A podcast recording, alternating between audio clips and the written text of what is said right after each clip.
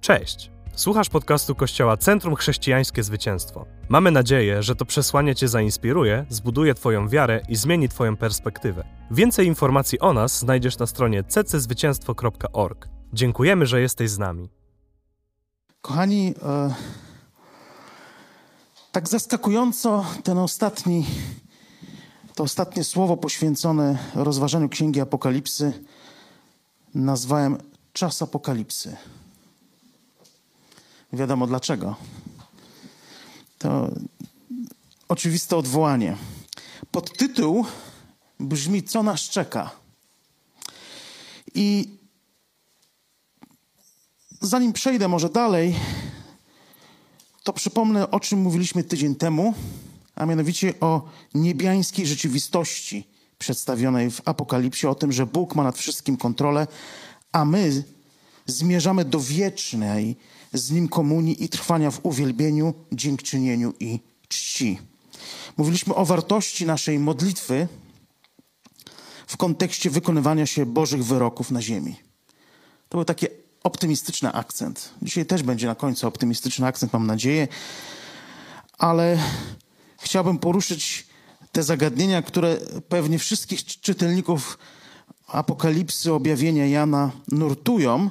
Jakkolwiek od razu powiem, że w tym krótkim czasie, który nam jest dany, jest niemożliwe, ażeby wejść w jakiekolwiek szczegóły. Na samym wstępie coś na temat samego objawienia Jana, Apokalipsy. Ona objawia, jest to wizja, która objawia przeszłość, teraźniejszość i przyszłość. Można powiedzieć, że alegorycznie przedstawia ogólny zarys dziejów, prawdę otaczającej nas rzeczywistości, tej, która jest tu i teraz, dzisiaj, ale opisuje także intensyfikowanie, znaczy intensyfikację tych dziejów u ich schyłku, dziejów obecnego świata i kulminację wydarzeń. Ma także odniesienia do tej teraźniejszości, w której żył sam Jan. Jest to taka specyfika tekstów apokaliptycznych, czy też prorockich, dlatego że ewidentnie e, w tekście Apokalipsy znajdujemy potwierdzenie, że chodzi tam także o prorokowanie. Rzucają one światło na to, co wkrótce się wydarzy. Odwołują się do przeszłości, porównują przekaz ten świeży, nowy z przeszłością, dają punkt odniesienia poprzez tą przeszłość, jak i przede wszystkim informują o tym, co ma nadejść, co ma się zdarzyć. Tak jak tydzień temu mówiliśmy o tym, co jest w górze, co się dzieje w, w niebie, na niebiosach, tam gdzie jest tron Najwyższego, to dzisiaj powiemy sobie o tym, co się dzieje w tym samym czasie, się działo na ziemi. Czy się działo, dzieje i dziać będzie. Będziemy mówić o tym, co jest oczywiste, co jest z tekstu zrozumiałe. Nie o tym, co jest zagadkowe, bo jak powiedziałem, on na to nie mamy czasu.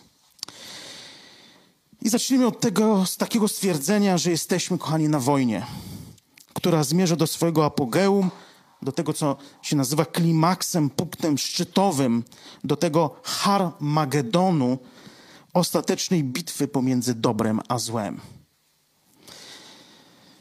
Co się dzieje? Jesteśmy w czasach, znaczy nadejdą czasy, trudne czasy, one już są w pewnym sensie, ale nadejdzie wielki ucisk któremu będzie towarzyszyć to, co już dzisiaj trwa, a mianowicie głoszenie Ewangelii, bo ono nie ustanie ani na chwilę, aż dopełni się liczba zbawionych. I to symbolizuje e, ten szósty rozdział, który opowiada o koniach, ten pierwszy koń, którego można także interpretować, jak niektórzy interpretatorzy widzą, jako przedstawienie Chrystusa, który nadal zwycięża, czy ta Ewangelia, która rozszerza się po ziemi. Jakkolwiek inni oczywiście widzą w tym także spójny obraz wszystkich, wszystkich e, tych czterech koni, który jest dość negatywny jednak w swojej wymowie. Co się stanie jeszcze? Co jeszcze przed nami, ale tak jak powiedziałem, Apokalipsa mówi o tym, że to już jest teraz, ale dopiero w większym nasileniu się wydarzy. Nasilą się konflikty między ludźmi wzajemne mordy, nienawiść i niechęć, wojny. Nastanie głód, szerzyć się będzie śmierć głodowa. Nastanie drożyzna inflacja będzie miała miejsce. By móc kupować, trzeba będzie złożyć pokłon bluźnierczej bestii i przyjąć jej znamię na siebie. Szerzyć się będzie to, co Biblia nazywa morem, czyli zaraza. Jak widzimy, już się szerzy i się szerzyły kiedyś. Czyli to jest ten obraz, który cały czas powtarzam. Apokalipsa daje nam taki ogólny obraz tego, co się dzieje na świecie, i te wszystkie elementy już występują i od wieków występowały, ale one u kresu dni będą się nasilać. Jest powiedziane, że nawet dzikie zwierzęta będą zagrażać ludziom. I tak powiedziałem, zagrażały, zagrażają i zagrażać jeszcze będą. No pojawią się choroby różnego rodzaju. Jest powiedziane, że mm, wskazane są na przykład jakieś wrzody i innego rodzaju przypadłości przykre, które będą dotykać ludzi.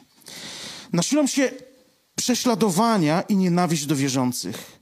Ludzie wręcz będą się cieszyć, że ci, czyli wierzący, będą znikać z powierzchni ziemi, gdyż nie będą mogli znieść przesłania o Chrystusie i nawróceniu, o porzuceniu grzechu. Będą pragnęli spokoju, spokoju sumienia, że nikt nie naruszy ich spokoju, mówiąc im, że to, co robią, to czym się kierują, jest złe. Chrześcijanie no, będą wydawani, będą zabijani, ale to jest przesądzone i to się musi stać. To Apokalipsa nam objawia, że Bóg o tym wie, Bóg jakby to zaplanował. Nawet jest powiedziane, że musi się dopełnić liczba tych, którzy umrą za wiarę. I dopóki to się nie stanie, wiele rzeczy też się nie wydarzy. Szerzyć się będzie wśród ludzi panika, strach, a jednocześnie będą coraz bardziej zdeprawowani, zbuntowani i bluźnierczy wobec Boga, oporni naprawdę, butni i agresywni. Dotyczyć to będzie, jak Biblia mówi w tej księdze, przekroju, całego przekroju społecznego. Możnych, czyli ludzi ważnych, które będą mieć władzę, mają władzę, pozycję, bogatych, ale także i biednych. Jest powiedziane niewolnicy i wolni. Nie ma znaczenia. Kiedy czytałem o niewolnikach, to pomyślałem sobie, że z dzisiejszej perspektywy człowiek by się litował nad nimi. Ale ten obraz w Apokalipsie mówi nam, nie będzie już dla nich litości. Wszyscy będą podlegać sądowi. Gniew Boży i klęski dotkną jednej trzeciej powierzchni ziemi lądów i mórz. Jed, dotkną jednej trzeciej niebios oraz jednej czwartej wszystkich mieszkańców ziemi. Co będzie się działo? Ma spaść potężny grad, mają mieć miejsca pożary, wysokie temperatury, towarzysząca im susza, przez to głód oczywiście, o którym mówiliśmy. Pojawią się wody, które będą niezdatne do picia, dlatego że będą porażone jakąś zarazą, trujące. Nastaną ciemności, przez co możemy rozumieć to, co już się dzieje, ale dziać się będzie jeszcze intensywniej zapewne, zaćmienia słońca i tak dalej, dziwne znaki na księżycu. Grad, jak powiedziałem, trzęsienia ziemi będą się nasilać. Nasili się to, co mówi Apokalipsa, demoniczna także działalność na ziemi wobec ludzi. Będą oni dręczeni psychicznie i fizycznie przez siły ciemności. Związane to będzie z ostatecznym strąceniem szatana i jego aniołów z niebios, tam gdzie przebywają. Tak jak list do Efezjan w szóstym rozdziale mówi dzisiaj, rządząc na ziemię, czyli on będzie, można powiedzieć, blisko, tu i teraz, będzie działał wśród ludzi. Jest powiedziane, że będzie pałał wielką nienawiścią, wielkim grzechem, znaczy wielkim gniewem, przepraszam, dlatego że już wie, że jego czas jest krótki pojawi się antychryst, pojawi się fałszywy prorok, czyli sługa antychrysta, którzy znakami i cudami, podobnymi do tych, które czyni Bóg i ludzie Bogu wierni, zwiodą wielkie rzesze. W zasadzie tych wszystkich, którzy odrzucą Ewangelię. Ludzi pociągnie fałsz oszukańczego pokoju, który, który będzie głoszony przez fałszywego proroka, który ma zapewnić antychryst przepych, bogactwo, władza, która będzie mu towarzyszyć, piękno, podejrzewam, przyjemny, dobry, właśnie jak powiedziałem, wygląd tych zwodzicieli i duchowe upojenie. Czyli taki stan upojenia duchowego, dobrego samopoczucia, odlotu, byśmy powiedzieli kolokwialnie. W rzeczywistości nadal jednak ludzie będą trwać w bałwochwalstwie, w zabójstwach, w czarach, czyli w manipula manipulacji, w nierządzie i kradzieży, w gniewie i zapalczywości. To, co powiedzieliśmy, że wobec wierzących, wobec chrześcijan będą się charakteryzowali tym takim gniewem i brakiem jakiejkolwiek tolerancji. Wiecie, to wszystko jednak, to co takie straszne i przerażające, co jak powiedziałem, było, jest, ale dopiero nadejdzie w jeszcze większej intensywności. To wszystko jest jednak wyraz dopustu Bożego, Jego gniewu, Jego sądu i kary wobec nieposłusznych, grzesznych, wobec bluźnierców, z powodu których ich postawy cierpi całe stworzenie. Ponieważ te klęski dotkną lasów, wód, mórz, zwierząt, gór, jak Apokalipsa wymienia. One będą też ginąć i niszczeć. To jest tak samo jak z powodu buntu szatana, Lucyfera, wpierw oczywiście jego aniołów, cierpi cała ludzkość. Czyli zobaczcie, że grzech ma, czyjś grzech, archanioła, jakim był Lucyfer, sprowadził grzech na całą ludzkość. Grzechy ludzi sprowadzają grzech na stworzenie, które jest niczemu winne. Wizja Jana objawia przebieg sądu Bożego nad stworzeniem, zarówno tym duchowym, czyli nad aniołami, jak i materialnym, na przykład nad ludźmi. Opisywane plagi, osąd dokonane zostaną z konkretnych powodów. I po pierwsze jest to odrzucenie ofiary Baranka Bożego, Ewangelii, nieusłuchania, nieuwierzenia i niezaufania Bogu. Po drugie jest to ten sąd, ta kara będzie wymierzona ziemi i jej mieszkańcom, a także diabłu i jego aniołom, demonom z powodu prześladowań, dręczenia, zabijania sług Bożych.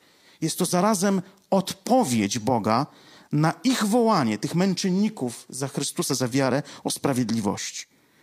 Jest to także odpowiedź dla kpiarzy, jak mówi Apokalipsa, którzy mu mówią, znaczy, którzy mówili, jakby, to w Apokalipsie akurat nie jest powiedziane wprost, ale to jest, jest to odwołanie do, do psalmu, możemy znaleźć, gdzie jest ich Bóg? I Bóg się objawi. Ale już nie będzie tym, który przynosi pokój, zbawienie i łaskę, nie jako Zbawiciel, ale się objawi jako sędzia i król.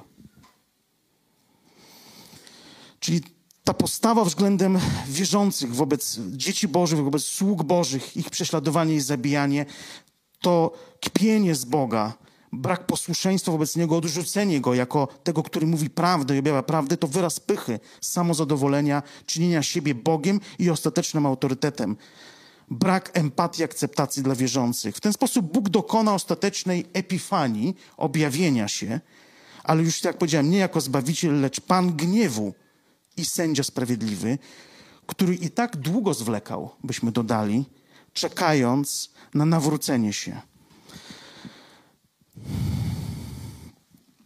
Plagi tak naprawdę mają też inny cel, które będą dotykać. A innymi jest to taki sposób, metoda nawoływania Boga, ostateczna do nawrócenia się grzeszników. Ale niestety wielu z nich będzie nadal miało zatwardziałe serca. Będą one zamknięte, co nie oznacza, że trzeba, że głoszenie Ewangelii ustanie. Ale musimy pamiętać o tym fragmencie z Biblii, który mówi, kto jest nieprawy, nieczysty, niech nadal będzie nieprawy, jeszcze bardziej się czyni nieczystym. Ktoś jest święty, niech nadal się uświęca. Wiecie, ten obraz Boga, który przedstawia Apokalipsa, nawet dla nas, niektórych wierzących, a już nie mówię o niewierzących, bo dla nich na pewno, zwłaszcza w dzisiejszych czasach, może być dużym wyzwaniem. Dzisiaj się podkreśla, zarówno w kościele, jak i poza nim, że miłość jest Bogiem. Zapominając, że Biblia mówi, że to nie jest do końca tak, ale że Bóg jest miłością. Nie mówi się i zapomina się o tym, że Bóg jest święty, a powiedzmy, że Apokalipsa, objawienie Jana podkreśla to jako główną cechę Boga świętość. Że jest także królem, i to są te liczne odwołania wskazujące na jego tron, który stoi i znajduje się na niebiosach, w niebie, tym ostatnim. Pismo przedstawia nam grzeszników jako winne grona, rozgniatane w tłoczni przez Bożych aniołów, z której, i tu cytat z Apokalipsy 14 rozdziału, drugiej części 20 wersetu, z której krew wytrysnęła aż po wędzidła koni na 1600 stadiów. To jest obraz Bożego gniewu. I to jest ten sam Bóg. To jest ten sam Bóg, który posłał swego syna, aby tych ludzi zbawił. Ukarany też zostanie szatan. Jak go nazywa Biblia, starodawny wąż, a apokalipsa smok. Diabeł, z greckiego diabolos, czyli dosłownie ten, który dzieli. Diabeł to jest ten, który dzieli. Szatan, czyli z hebrajskiego oszczerca, ten, który publicznie oskarża w trybunale, w sądzie. I dwa jeszcze greckie określenia, hokategon, które pojawiają się w Apokalipsie, oskarżyciel. Oczywiście szatan to także wróg i przeciwnik po hebrajsku. Albo hoplanon, czyli ten dosłownie, który usidla, oszukuje, zwodziciel. Pojawi się, zostanie osądzona oprócz szatana bestia morska, czyli antychryst. I tu przypomnijmy jedną rzecz, że anty to nie oznacza tylko przeciw. Antychryst to nie będzie tylko wróg, do, dokładny przeciwieństwo, a, a, przeciwnik Chrystusa. Ktoś, kto mu się sprzeciwia, ale to także będzie ktoś, kto się, jak grecki ten przedrostek anto oznacza, ktoś, kto się postawi w jego miejsce, kto przyjdzie w miejsce Chrystusa, będzie fałszywym Chrystusem. Bo będzie namaszczony, jak Apokalipsa mówi, przez szatana i otrzyma pełnię władzy. Pojawi się także to, co Apokalipsa nazywa bestią lądową, fałszywy prorok, sługa bestii, czyli antychrysta, bestii morskiej. Szatan i jego słudzy, jak objawia nam wizja Jana, działają na podobieństwo Boga i będą działać. Podszywają się. Będą, Biblia mówi, że szatan udaje anioła światłości, a wie jak to robić, bo był nim. I, I, Biblia nam pokazuje w Apokalipsie taką nieświętą trójcę. Mamy smoka, czyli szatana, mamy bestię, o której, czyli antychrysta. Bardzo ciekawie jest ona określona w 17 rozdziale, w 8 wersecie, że ona była i nie ma jej, a ma przybyć. Czyli znowuż mamy taki obraz porównania, podszywania się bestii antychrysta pod Chrystusa, który był, w odróżnieniu od bestii jest i ma przyjść. To jest ta różnica, że jej nie było przez pewien czas, była ukryta.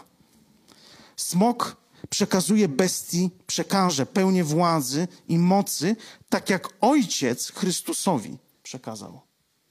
Fałszywy prorok to taka, nazwałem to karykatura Ducha Świętego i jego działania, bo fałszywy prorok ogłasza i namawia wszystkich, żeby oddawali cześć bestii antychrystowi. Czyli tak jak Duch Święty objawia Chrystusa, objawia Chrystusa dokładnie w ten sam sposób się on zachowuje. Podobnie jak On, jak Bóg, będą oni czynić, ta nieświęta Trójca, znaki i cuda. Pojawia się także alter ego w cudzysłowie Kościoła, niewiasty, która zrodziła Syna Bożego, można powiedzieć, w przenośni. I go zdradza za każdym razem, kiedy głosi Ewangelię. Ponieważ pojawia się w świetle Apokalipsy wielka nierządnica, Babilon. Czyli ten fałszywy kościół, fałszywa wspólnota religijna, czy w ogóle jakiś fałszywy system tego świata, który w miejsce Bożej prawdy głosi w cudzysłowie prawdę swoją. W Biblii widzimy w Apokalipsie takie, taką dychotomię, takie zróżnicowanie. Z jednej strony mamy Boży sąd i Bożą karę, która dotyczy, dotyka niewiernych, ci, którzy się znajdują poza, jak jest powiedziane, księgą życia, że nie są w niej wpisani. A z drugiej strony mamy dokładnie znowuż odwrotność, naśladownictwo przez, przez diabła, gdzie zabijani są wierni Bogu, dlatego że nie przez, przez bestię, dlatego że nie złożyli jej pokłonu. Czyli jest dokładnie to samo, tylko jako przeciwność. Mamy w, w Apokalipsie pokazane, że na wiernych Chrystusowi jest duchowa pieczęć, która zaświadcza, że należą do Niego. Jak Pismo mówi, zna Pan tych, którzy są Jego ale mamy także pieczęć bestii na bezbożnych. Jaki jest cel Bożego, tego ostatecznego sądu? Nie chodzi o, o, ukaranie, o karę, o osądzenie dla samego ukarania, dla samego wymierzenia kary, o takie byśmy powiedzieli dzisiejszym językiem, pastwienie się nad tymi nieszczęśnikami. Celem jest sprawiedliwość, zapłata za uczynki, za sposób życia i postępowania, a przede wszystkim celem jest oczyszczenie ziemi i nieba z tego, co złe i plugawe, z grzechu i jego sług. Inaczej mówiąc, Pan jako święty, sprawiedliwy i dobry, nie może przyjść i ustanowić w pełni swego królestwa, dopóki to się nie stanie, dopóki nie zostanie usunięte to z jego drogi, z miejsca, w które ma przyjść. Sąd dokonuje się także, ten Boży osąd, to o czym mówimy, te wszystkie plagi i tak dalej, dokonuje także rozdziału pomiędzy Bożymi ludźmi, a ludźmi bezbożnymi. I to jest konieczne. Wydaje się w świetle analizy Apokalipsy, że Kościół będzie obecny na ziemi w czasach wielkiego ucisku. Ale będzie wspierany i chroniony przez Pana. Jakkolwiek, co jest oczywiste z lektury, nie przed prześladowaniem i śmiercią z rąk bezbożnych za Ewangelię. Ale możemy na to spojrzeć inaczej, jakkolwiek to może być przerażające dla nas. To w sumie zaszczyt. To przywilej pójść w ślady samego Chrystusa i Jego apostołów, bo znaczna ich liczba ze świadectw tego, co wiemy, zginęła z rąk innych ludzi. I ci wierni otrzymają specjalną nagrodę. To jest biała szata, symbolizująca ich świętość, ich doskonałość. Biała szata, która została wyprana we krwi Jezusa. I ona zakrywa całkowicie ich przeszłe życie, ich złe jakiekolwiek uczynki. Co zatem charakteryzuje w świetle lektury tego, tej centralnej części Księgi Apokalipsy, na której, o której dzisiaj mówimy, głównie pomiędzy szóstym a siedemnastym rozdziałem? Co charakteryzuje Bożych ludzi? Co sprawia, co z jednej strony ich charakteryzuje, a co z drugiej strony sprawia, że oni mogą uchronić się w czasie tego wielkiego ucisku? No, charakteryzuje ich prześladowanie ze względu na Słowo Boże i świadectwo, jakie mają w sobie i o Chrystusie. Czyli jednym słowem, charakteryzuje ich głoszenie Ewangelii Chrystusa.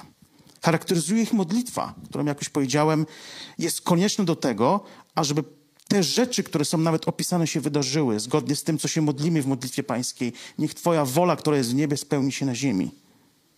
Charakteryzuje ich odwaga, nieustępliwość. Przykład dwóch świadków z 11 rozdziału Apokalipsy. Charakteryzuje ich wierność i wytrwałość. Wybranie przez Boga, powołanie, które im nadał. Charakteryzuje ich zapisanie, że ich imiona są zapisane w księdze życia baranka. Jak powiedziałem, głoszenie Ewangelii i prawdy, nawet za cenę życia. Strzeżenie Bożych przykazań nie oddawanie czci bestii ani jej obrazowi, nie przyjmowanie znamienia jej imienia na, na siebie. Wytrwałość w służeniu, w strzeżeniu, przepraszam, wiary Jezusa. To są dokładne sformułowania z Księgi Apokalipsy. Charakteryzuje ich śmierć w Panu, czyli dotrwanie w wierze do końca. Nie zaparcie się. Oddawanie chwały i pokłonu Stwórcy i sędziemu, jak mówi Apokalipsa. Charakteryzuje ich czuwanie i strzeżenie swoich szat tych czystych szat właśnie, żeby się nie poplamiły, nie skalały czymś bezbożnym. Nieobnażanie się jest nawet powiedziane w tym kontekście tych szat. Bym powiedział w kontekście właśnie wyprania we krwi baranka, ponieważ ta szata czysta, ona zakrywa nasze złe uczynki, nasze błędy, nasze grzechy. Więc nie możemy, musimy dbać, żeby jej nie zrzucać, po to, żeby cały czas być nią ukryci. To też jest szata dobrych uczynków. Więc trzeba głosić, trzeba czynić dobre rzeczy, bo wtedy ta szata się tka na nas, ta duchowa szata Chrystusa. Jak to mówił jeden kaznodzieja przed laty, żeby nie było tak, że staniemy przed Bogiem i niektórzy z nas ledwie nam starczy na bikini. Podsumowując te cechy charakteryzujące tych, którzy w tym trudnym czasie i w każdym czasie jeszcze raz podkreślam, bo Apokalipsa mówi nam o tym, co było, co jest i to, co jeszcze nadejdzie w większej, większej sile, mocy. Zacytujmy dwunasty rozdział. i jedenasty werset. Co zapewnia zwycięstwo Bożym ludziom? Krew baranka, czyli dzieło krzyża. Słowo świadectwa, które oznacza głoszenie Ewangelii i doświadczenie Boga żywego w swoim życiu, z czego wypływa nasze osobiste świadectwo. I gotowość śmierci, czyli dowód wiary i oddania się, zaangażowania. Pocieszające niech będzie na koniec to, że czas tych wszystkich plag i klęsk został przez Boga skrócony o połowę niż można by powiedzieć mogłoby być zamierzone. Pełnia ich byłaby wtedy siódemką w tym opisie, a zawsze jest trzy i pół liczba się pojawia. Jakie są nasze zadania w kontekście apokalipsy i jej przesłania? Tak jak na samym początku tej księgi czytamy, że błogosławieni, szczęśliwi inaczej, jak mówi Biblia, a ci, którzy czytają lub słuchają tej księgi. Myślę, że musimy przestać ją omijać i przypominać to, o czym ona naucza, nawet zagłębić się w te różne zagadnienia, których na takim krótkim słowie oczywiście nie jesteśmy w stanie szczegółowo rozważać. Tak jak dziesiąty rozdział, ósmy, jedenasty werset Apokalipsy mówi, że Jan otrzymał słowo, które miał połknąć i było słodkie w jego ustach, ale było gorzkie w jego żołądku, w jego wnętrzu. I tak Apokalipsa jest taka słodko-gorzka, bo jest gorzkość tych ciężkich czasów, w których żyjemy, ale które jeszcze nadejdą, może w gorszym jeszcze wydaniu, ale jest też ta słodycz tego, że zmierzamy do tego miejsca, gdzie będziemy z Chrystusem na wieki. A więc musimy być prorokami, którzy obwieszczają to słowo, przypominają je. Nie tylko wierzącym, ale i niewierzącym. Człowiek Słowa Bożego, prorok inaczej, my to jest człowiek Słowa Bożego w pełnym tego słowa znaczeniu, który ma połykać, konsumować, trawić słowo, czynić je swoim do tego stopnia, by stało się źródłem jego życia, pokarmem dla niego i wsparciem. Ma być pełen tego słowa, żyć nim. Właściwie mamy stać się żywym słowem. Dziękuję Wam, kochani. To by było na dzisiaj tyle. I krótką modlitwę pozwolę sobie na koniec poprowadzić. Mam nadzieję, że będziecie uczestniczyć w niej. Ojcze, ja Ci dziękuję za moc tego słowa, że to jest mocne słowo, to, co jest objawione w, Apokalipsie. Dziękuję Ci, że choć jest mocne i trudne czasami, momentami kompletnie dla nas może niezrozumiałe, ale to, co jest oczywiste, to, co jest zrozumiałe na pewno, to jest to, że czasy były, są i jeszcze bardziej będą trudne. Ale jeżeli będziemy trzymać się blisko Ciebie i ufać Tobie, do czego nas zachęcasz w Księdze Apokalipsy, to i będziemy się kurczowo Ciebie trzymać, Twego słowa, Twego ducha, Twojej prawdy, to będziemy po prostu, Panie, przejdziemy przez to. Przejdziemy przez to zwycięsko i będziemy składać odważnie o Tobie świadectwo, o Twoich dziełach, o tym, że nas nigdy nie zostawiłeś, Panie, i że przetrwamy to. Nie mamy się czego bać, bo jesteś z nami. Ja się modlę, żeby ta prawda stała się częścią naszego życia, że cokolwiek się wydarzy, czy będziemy to rozumieć, czy nie, że będziemy Tobie ufać i będziemy to, żebyśmy zawsze byli Tobie tylko wierni. O to po prostu wołam, Panie. Amen. Dziękujemy, że byłeś z nami. Mamy nadzieję, że ten odcinek Cię zainspirował. Pamiętaj, że możesz odwiedzić nas w każdą niedzielę. Więcej informacji i podcastów znajdziesz na naszej stronie cczwycięstwo.org. Zapraszamy.